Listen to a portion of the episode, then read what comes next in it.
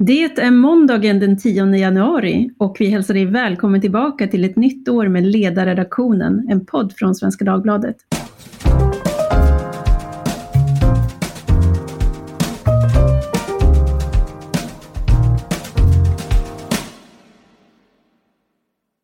Jag heter Tove Livendal och det är tveklöst ett allvarsamt läge världen har hamnat i så här i början av 2022. I vårt närområde är till och med krigsrisken överhängande. Mot bakgrund av det har jag bjudit in två kvalificerade gäster och medarbetare på ledarsidan till podden idag, Olof Ehrenkrona och Patrik Oksanen. Varmt välkomna! Idag möts representanter från USA och Ryssland i Genève. Varför, Patrik?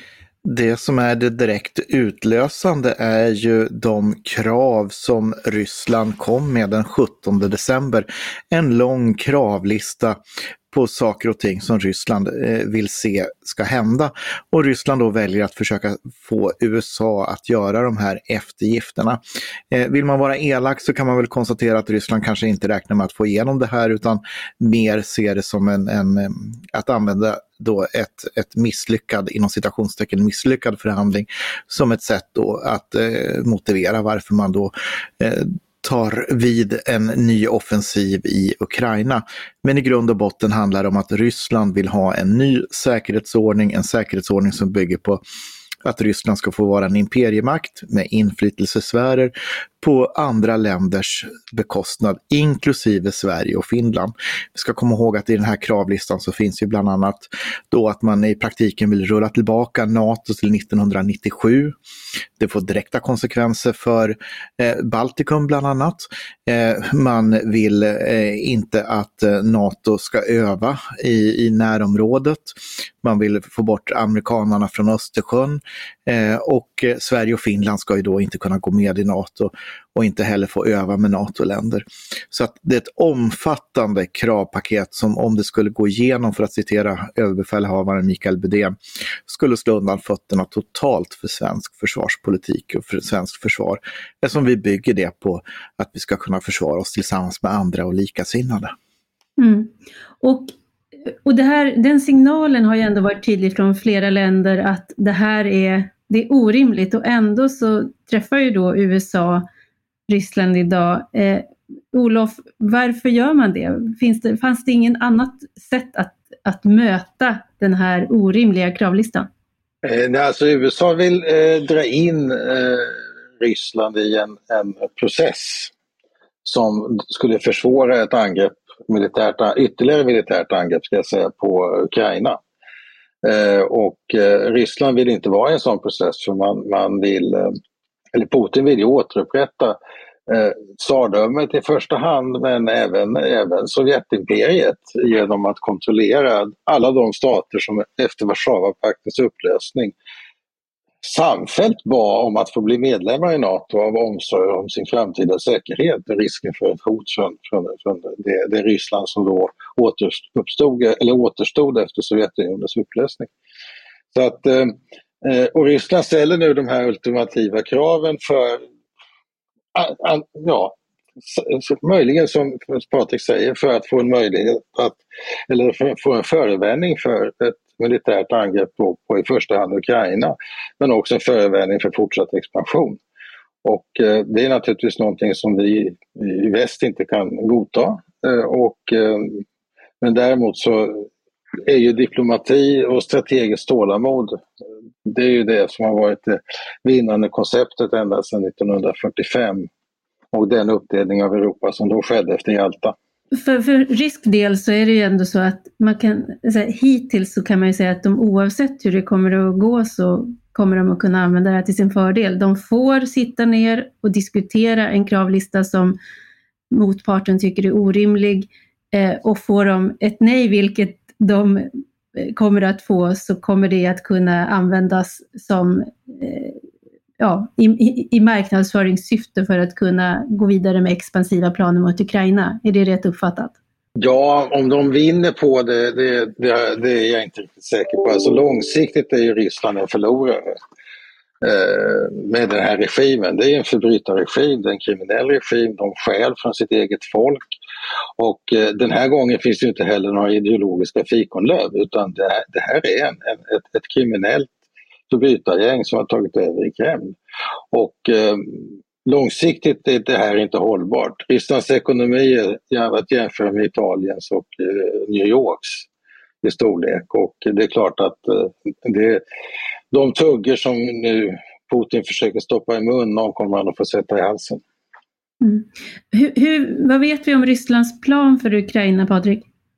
Nej, men om vi tittar på den övergripande politiska nivån så är ju Rysslands avsikt tydlig. Det, Ukraina tillhör Ryssland och den ryska inflytelsesfären, den del av det historiska Ryssland. Eh, eh, imperialistiska tankar i Kreml kan inte tänka sig ett Ryssland där, där Ukraina inte tillhör den ryska världen, Ruski Mir. Eh, så att det är den övergripande riktningen. Sen är det ju en annan sak vad kommer att spela ut sig på kort sikt i Ukraina. Där eh, det är ju en, en politisk eh, del i det också och att man kanske då vill använda det militära instrumentet för att göra en politisk förändring av Ukraina. Eh, man skulle nog helst vilja ha bort Zelensky och få en mer medgörlig president i, i Ukraina och frågan är hur mycket militärt våld måste man begå på Ukraina innan, innan man kan uppnå det. Eh, och exakt hur det här kommer att spela ut sig, det, det är ju svårt att helt förutsäga, men mm, troligen så kommer det inte handla om att Ryssland vill gå in och ockupera eh, halva Ukraina till exempel, som det spekulerats om, därför att det är för stort territorium, för höga risker och Ukraina är nog beredd att köra eh, rätt omfattande partisankrig för att försvara sig och då blir kostnaden alldeles för hög. Så att ska jag gissa någonting så handlar det nog om, om mindre landområden, knyta ihop Mariupol eh, med Donbass och Krim, eh, kanske till Odessa för att eh, göra Ukraina till, en, till ett innanland, alltså ett land utan hav eh, kombination då med långräckviddiga vapensystem för att slå sönder den ukrainska militären. Och vi ska komma ihåg att man också har räckvidd mot Kiev. Kiev ligger väldigt nära den belarusiska gränsen där det också finns en mobilisering. Om, jag bara undrar hur det ser ut med det folkliga stödet i Ryssland. Man får förmoda att stridsviljan är hög i Ukraina, men hur ser det ut i Ryssland när du talar om den ryska synen på intressesfären, i vilken utsträckning är det en, en, eh, en inställning som är förankrad hos det ryska folket? Ja, alltså jag tror att man, man ska inte underskatta de nationalistiska sentimenten i Ryssland. Vi har sett ett, en mediemobilisering som har varit ytterligt obehaglig de senaste månaderna eh, och som påminner om, om hur, det, hur det såg ut i, i eh, Tyskland eh, på 30-talet. Man talar om olidliga förhållanden och, och sådana saker. Och det är klart att det, de här sentimenten de finns, men man ska heller inte underskatta oppositionen. Alltså det finns ju, alltså Navalnys antikorruptionskampanj har ju fått ett jättestarkt stöd eh, så länge den fick lov att pågå. Eh, så att eh, det, är, det är en Eh, Eh, det är en blandad bild av det folkliga sentimentet i Ryssland men på kort sikt ska man inte underskatta de nationalistiska tendenserna och det såg vi också efter Krim. Putin fick ju en snabb uppgång i opinionen. Eh, men nu är det, har ju det fallit tillbaka till de nivåer som var före ockupationen och annekteringen av Krim. Det Olof säger här är viktigt att komma ihåg och det är ju då att den här upptrappningen i ryska medier och rysk informationspåverkan har ju varit väldigt omfattande under hösten eh, med det här narrativbygget och man har också gjort, man har så att säga tänt alla lampor i, i, i förberedelserna vilket gjorde då att med, eh, larmklockorna började ringa i väst mot, eh, ja, i slutet av november på allvar. Eh, på, på vad som skulle kunna ske. Och en del i det här är ju också då att eh, Janukovic, den, den avsatte presidenten i Ukraina som avsattes 2014, som är i exil i Ryssland, han eh, eh, har ju då också lämnat in någon stämning till ukrainska parlamentet för att han, han eh, avsattes. Så att det, det, det, är flera, flera saker som har hänt i, i, i det ryska agerandet som sammantaget tillsammans med den militära mobiliseringen blir bekymmersam. Ryssland har ju beskrivit den här situationen eh, som föreligger nu som att NATO citat, dragit sig närmare och omringat dem. Och det är ju en oriktig beskrivning och ändå så verkar den ju ständigt återkomma även i svenska medier. Hur ska den retoriken förstås och bemötas? Jo, alltså det är så här att, att NATO har inte omringat Ryssland alls utan det är så att de tidigare Warszawapaktsländerna i Öst och Centraleuropa har velat gå med i NATO därför att de har varit rädda för Ryssland och det har de haft all anledning att vara. Efter 2014 och när Ryssland då för andra gången visar att man är beredd att ta till militära medel för att nå sina politiska mål, både i Georgien och Ukraina. Efter det så har ju då de här medlemmarna bett att få militärt support på sina territorier från de NATO-medlemmar som, som, som, eh, som finns i, i, väst. Och det har inneburit att Storbritannien, Tyskland, eh, USA eh, har ju stationerat trupp i de här länderna. I de medlemsländerna. Helt enligt den defensiva eh, eh förhållning, förhållningssätt, det defensiva förhållningssätt. NATO är en försvarsallians. Detta är ju naturligtvis ett hinder för den ryska militära aggressionen, eller de uppfattar i alla fall det som ett hinder. Och det vill de bli av med för att kunna fortsätta som de gjorde före 2014 och under 2014. Det är den ryska reella positionen. Det handlar inte om ett hot mot Ryssland utan det handlar om ett hot mot Rysslands möjligheter att vara aggressiva gentemot sina grannar. Och det är här den ryska propagandan kommer in och är väldigt stark. Och som du säger då Tove, så ser vi ju det här i återkommande i svenska medier. Eh, och, och eh, den beskrivningen av den, den, så kallade ryska bilden att NATO utvidgas, NATO expanderar, NATO kommer närmare Rysslands gränser. Eh, och det är ju ett sätt då att, att rättfärdiga och stoppa och bygga en politisk mobilisering i väst också. Eh, och, och, och, få, få använda liksom det politiska subversiva verktyget. Eh, men det man måste komma ihåg är ju då att om man eh, går på den ryska linjen, då är man ju framme vid att man underkänner FN-stadgan och den europeiska säkerhetsordningen och självständiga staters suveräna rätt att välja sin säkerhetslösning själv. Eh, och då är vi ute på ett sluttande plan och då är vi inne i den starkes värld eh, där, där eh, en, en, ja, vi är tillbaka till Wienkongress och 1800-tal och, eh, och allt vad det innebär. Vi är liksom tillbaka i tiden, en tid som jag tror att ingen i väst vill återuppleva. Jag tänkte att vi skulle vända oss lite grann till Sverige, för det, det finns ju en del som är att oroligt titta på vad som händer och den andra det andra är att fråga sig vad, vad kan vi själva göra då? Hur kan vi på något sätt påverka den situation som föreligger nu? Så frågan är liksom, vad, vad har Sverige gjort hittills och vad bör vi göra framöver? När Peter Hultqvist nu talade på morgonen på Folk och Försvars årliga rikskonferens så tal, underströk han just detta med länders rätt att välja sin egen säkerhetsordning. Och, så då är frågan, vad har vi gjort då när det gäller säkerhetsordningen och vad ska vi göra? Alltså det som nu sker är ju att Ryssland inte bara politiskt hotar den här säkerhetsordningen utan också hotar med militära medel. Man hotar alltså med krig om inte vi godtar deras krav. Eh, det gör ju att alliansfrågan kommer i ett annat läge. Det är naturligtvis mycket viktigare att ha NATO som ett, eh, att vara medlemmar i ett NATO där det finns en artikel 5 som skyddar Eh, mot angrepp från Ryssland i det här fallet. Eh, och varför är det så viktigt? Jo, därför att vi har sett att Ryssland har angripit både Georgien och Ukraina som icke NATO-medlemmar. Eh, men det är naturligtvis en helt annan sak att utmana hela militäralliansen genom att ifrågasätta, eller att, att, att, att genom att helt enkelt bidra med milit, eller, militärt angripa sina grannar. För vår del så handlar det om allians eller inte allians och då är det klart att allians är att föredra. Men det handlar ju också om försvarsförmåga. Vi måste parallellt bygga upp vår egen försvarsförmåga. Det sämsta läget är ett otillräckligt försvar och allianslöshet. Och, och det är, för att vara drastisk, det är det läge vi har just nu. Patrik, delar du den bilden?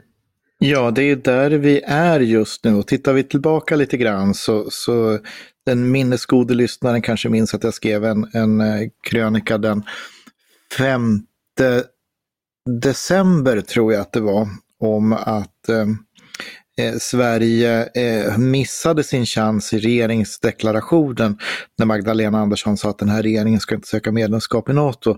Att använda det enda strategiska verktyget för avskräckning gentemot Ryssland i fråga om Ukraina. Och det hade ju varit då ett, ett besked eh, att Sverige och Finland söker medlemskap tillsammans i NATO den dagen den ryska offensiven återupptas mot Ukraina. Eh, det är väl det enda liksom jag kan se att vi skulle möjligtvis på marginalen kunna påverka Rysslands avsikter mot, mot Ukraina. Eh, och där har ju Finland en, en helt annan vitalitet just nu i NATO-debatten.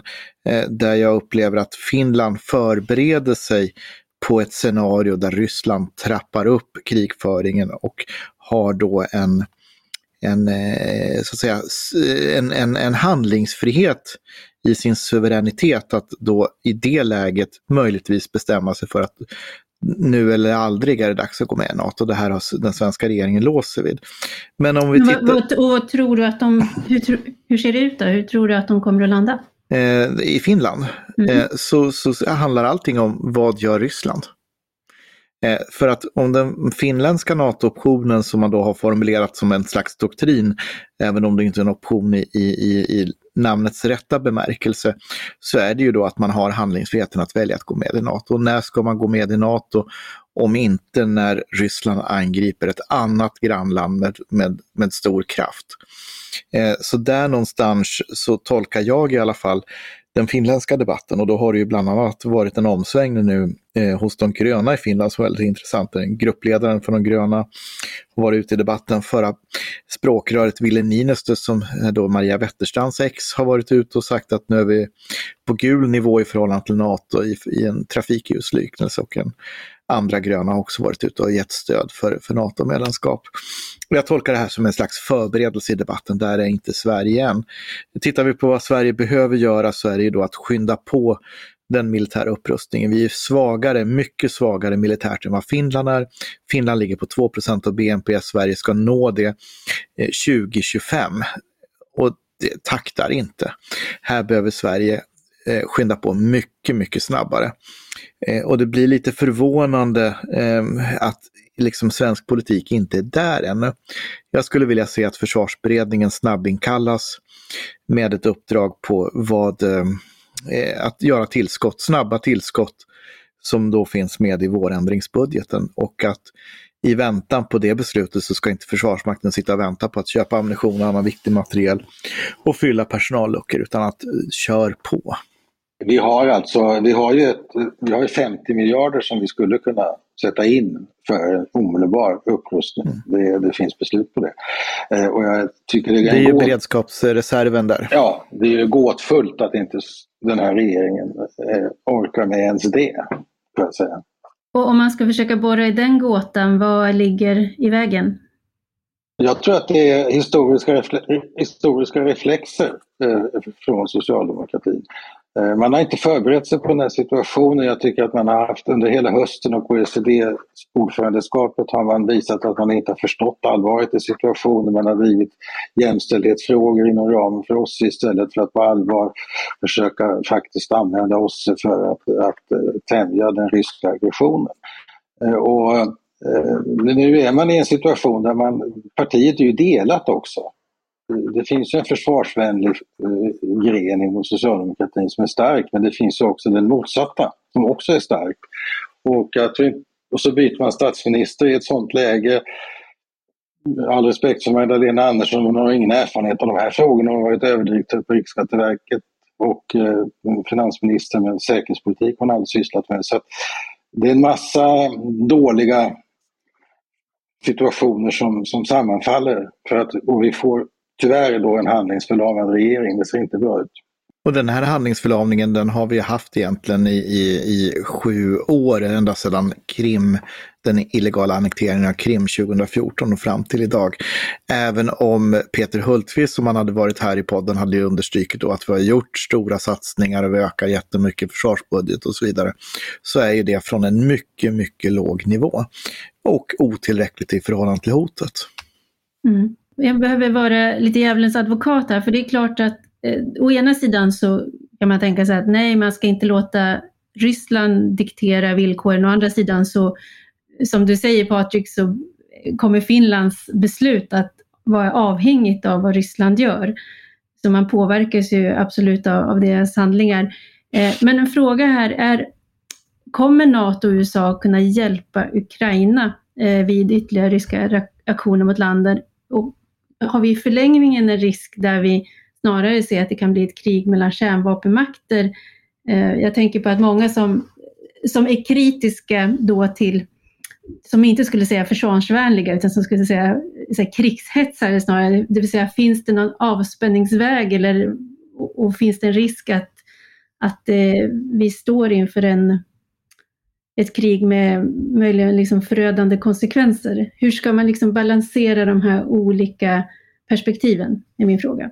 Ukraina är inte medlemmar i NATO och har således inte heller skydd av artikel 5 och NATO har varit väldigt tydlig med att det är en defensiv allians. Man kommer inte att angripa Ryssland även om Ryssland går in militärt i Ukraina.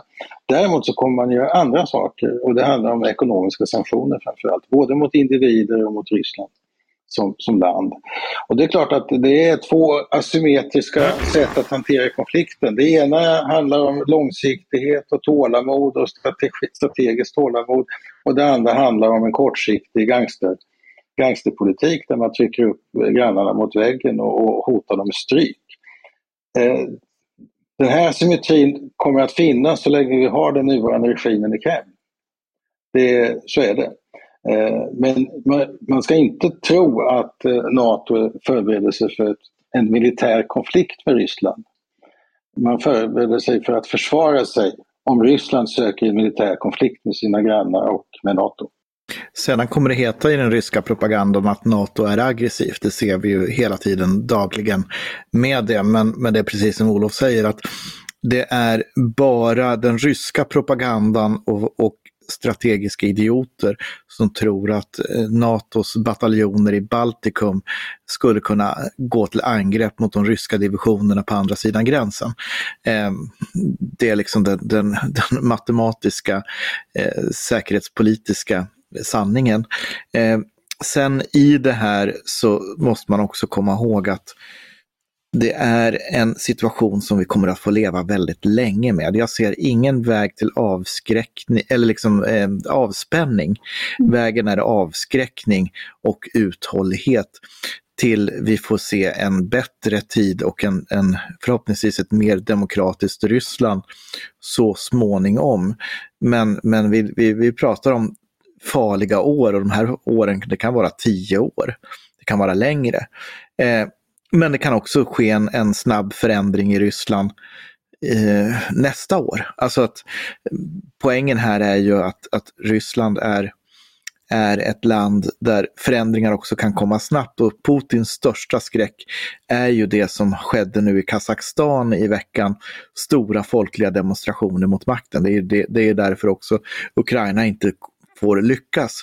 Stora folkliga demonstrationer avsätter en korrupt regim eh, och landet moderniseras, eh, blir mer demokratiskt, mer fritt eh, och närmar sig väst. Eh, och det är det här som, som är Putins, eh, eh det är det som håller honom vaken på natten. Kan vi börja dröja vid det? För det, det var ju väldigt eh, intensivt nyår kan man säga. Det är väl minst 164 människor som har dött och nästan 6 000 personer som har frihetsberövats och tagits inför förhör. Eh, hur ser kopplingen ut till Ryssland i det som hände där? Det är som eh, Patrik säger att eh, Putin, det, det hot som Putin känner det är mot sin egen maktposition i Ryssland. Och det är ett hot som uppstår därför att folk tröttnar på den här regimen. Eh, och varje oro i eh, varje grannland eh, betraktar Putin som en potentiell risk för en ny sån här färgrevolution. Eh, och det är vägran att vilja demokratisera sitt land som styr Putins politik. Och den vägen bestäms ytterst av hans egna privata maktpolitiska intressen, hans eget, egna privata ekonomiska intressen och, och, och den, de ekonomiska intressen hos den, i den kleptokrati som, som han har odlat under de här eh, 20, över 20 åren som han har suttit vid makten. Ni har båda varit inne på det här med ökade försvarsanslag och snabbt, snabbt tillskott av sådana. Det andra som naturligtvis ligger på bordet är ju frågan om en svensk anslutning till NATO. Eh, vilken roll spelar EU i hela det här pusslet? EU borde spela en större roll, men eh, här ska vi komma ihåg att Ryssland medvetet vill eh, förminska EUs roll i det här. Man har ju tidigare sagt att man inte vill prata med EU.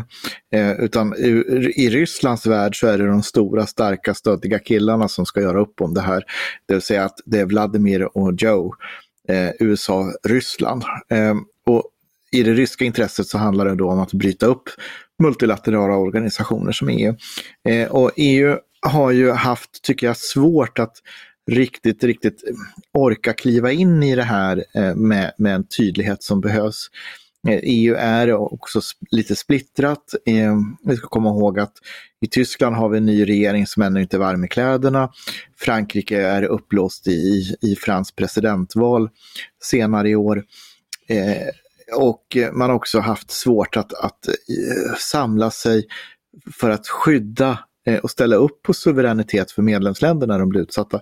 Vi har Litauen och Kina, det är en annan historia. Men, och nu då när Sverige och Finlands suveränitet ifrågasätts av Ryssland så, så har inte EU riktigt klarat av att steppa upp i, i det här. Ja, Sverige har ju också varit väldigt passivt tyvärr. Alltså Finland har ju, har ju varit aktiva förespråkare för ett närmare samarbete inom EU kring försvars och säkerhetspolitiken.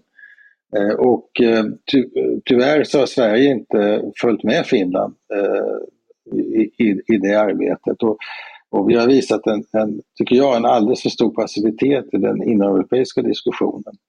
Eh, det hade kunnat ha betydelse om Sverige hade satt ner foten lite tydligare om, om vikten av att samarbeta eh, om försvars och säkerhetspolitiken. Och det är också det som avgör EUs diplomatiska styrka. Om det inte finns några, någon hårdvara så fungerar inte heller mjukvaran. Eh, och, och, det är det man måste förstå när man ser på EUs roll i detta. Borrell har ingenting att säga till om när han träffar de ryska ledarna. Eh, och eh, därför att det helt enkelt inte finns några, några divisioner bakom. Så, så, så enkelt är det. Men finns det någon diskussion som drivs, kanske då inte från Bryssel utan snarare från Berlin, Paris eller London kring de här frågorna? Den tyska situationen är ju tyvärr eh, påverkad av, av eh, Nord Stream och eh, den tyska industrins intressen i, i Ryssland. Den brittiska positionen är påverkad av att det finns stora ryska finansiella intressen och betydande korruption i, i city of London. Och den franska positionen är, är, ju, är ju präglad av fransk traditionalism när det gäller relationerna till Ryssland. Så det, det, huvudstäderna Eh, är betydelsefulla men de har inte visat den konsekvens som de borde ha visat under de här senaste 20 åren, tyvärr. Detta påtalades också, ska vi säga, en text av Edward Lucas som vi hade här i helgen, en göra-lista i tio punkter där eh, delar av det du nämnde Olle finns med på det. Eh, och i Stockholm då så hålls just nu eh, Rikskonferensen för folk och försvar. Den skulle ha varit i Sälen men är för andra året i rad digital och därför så, så, så möts eh, programdeltagarna då i, i huvudstaden. Och eh, Peter Hultqvist har som jag nämnde talat nu på morgonen liksom Ulf Kristersson. Däremot medverkar inte Sveriges statsminister, eh, vilket Patrik Oksanen, du skrev om detta i en kolumn. Varför deltar hon inte? Ja, eh, det är ju en bra fråga och något riktigt bra svar har jag inte fått, även om jag försökt få ett svar eh, på detta. Eh, och då landar jag väl mest i, analysen att här har statsrådsberedningen och socialdemokratin gjort ett, ett, ett ganska grovt misstag. Därför att jag tror att analysen har väl varit att eh, förvisso valår, men, men Folk och Försvar och Rikskonferensen för en grön statsminister som inte är inkörd i försvars och säkerhetspolitik. Eh, är ju en riskaktivitet eh, snarare än att man har någonting att vinna. Så jag tror helt enkelt att man har haft alldeles för mycket valårsanalys över läget och tänkt alldeles för taktiskt. Eh, istället för att se det som att det här är statsministern, det är orostid. Nu ska man kliva fram och visa ledarskap för, för nationen. Eh, och det tror jag då har bidragit till att man då har tackat nej två gånger. Vi ska komma ihåg att det inte bara är en gång, utan Först så tackade statsministern nej när det skulle vara fysiskt på plats i Sälen. Då skulle hon ha hållit talet på söndagen. Sen blev det ju det här digitala programmet på grund av pandemin komprimerat till två dagar och då fick hon en ny chans eh, att vara med och, och invigningstala, inledningstala då eh, på morgonen. Eh, och vilket hon skulle också kunna gjort från sitt arbetsrum så att hon inte hade ens behövt åka till studion om det hade varit så. Eh, och tackade nej igen. Eh, och jag tror att det här är i slutändan en, en, en rejäl miss där man helt enkelt underskattat och inte tagit till sig det som hände den 17 december när Ryssland lämnade över de här kraven och sen hur Finland då med, med president Niinistö och statsminister Sanna Marin runt nyår klev fram och tog den här debatten och diskussionen och gjorde de här tydliga markeringarna. Nu får ju statsministern sitt elddop istället eh, i eh, onsdagens partiledardebatt i riksdagen. Eh, och innan dess så bör hon ju, om du frågar mig, ha haft de utannonserade partiledarsamtalen. Så de behöver väl komma idag eller imorgon.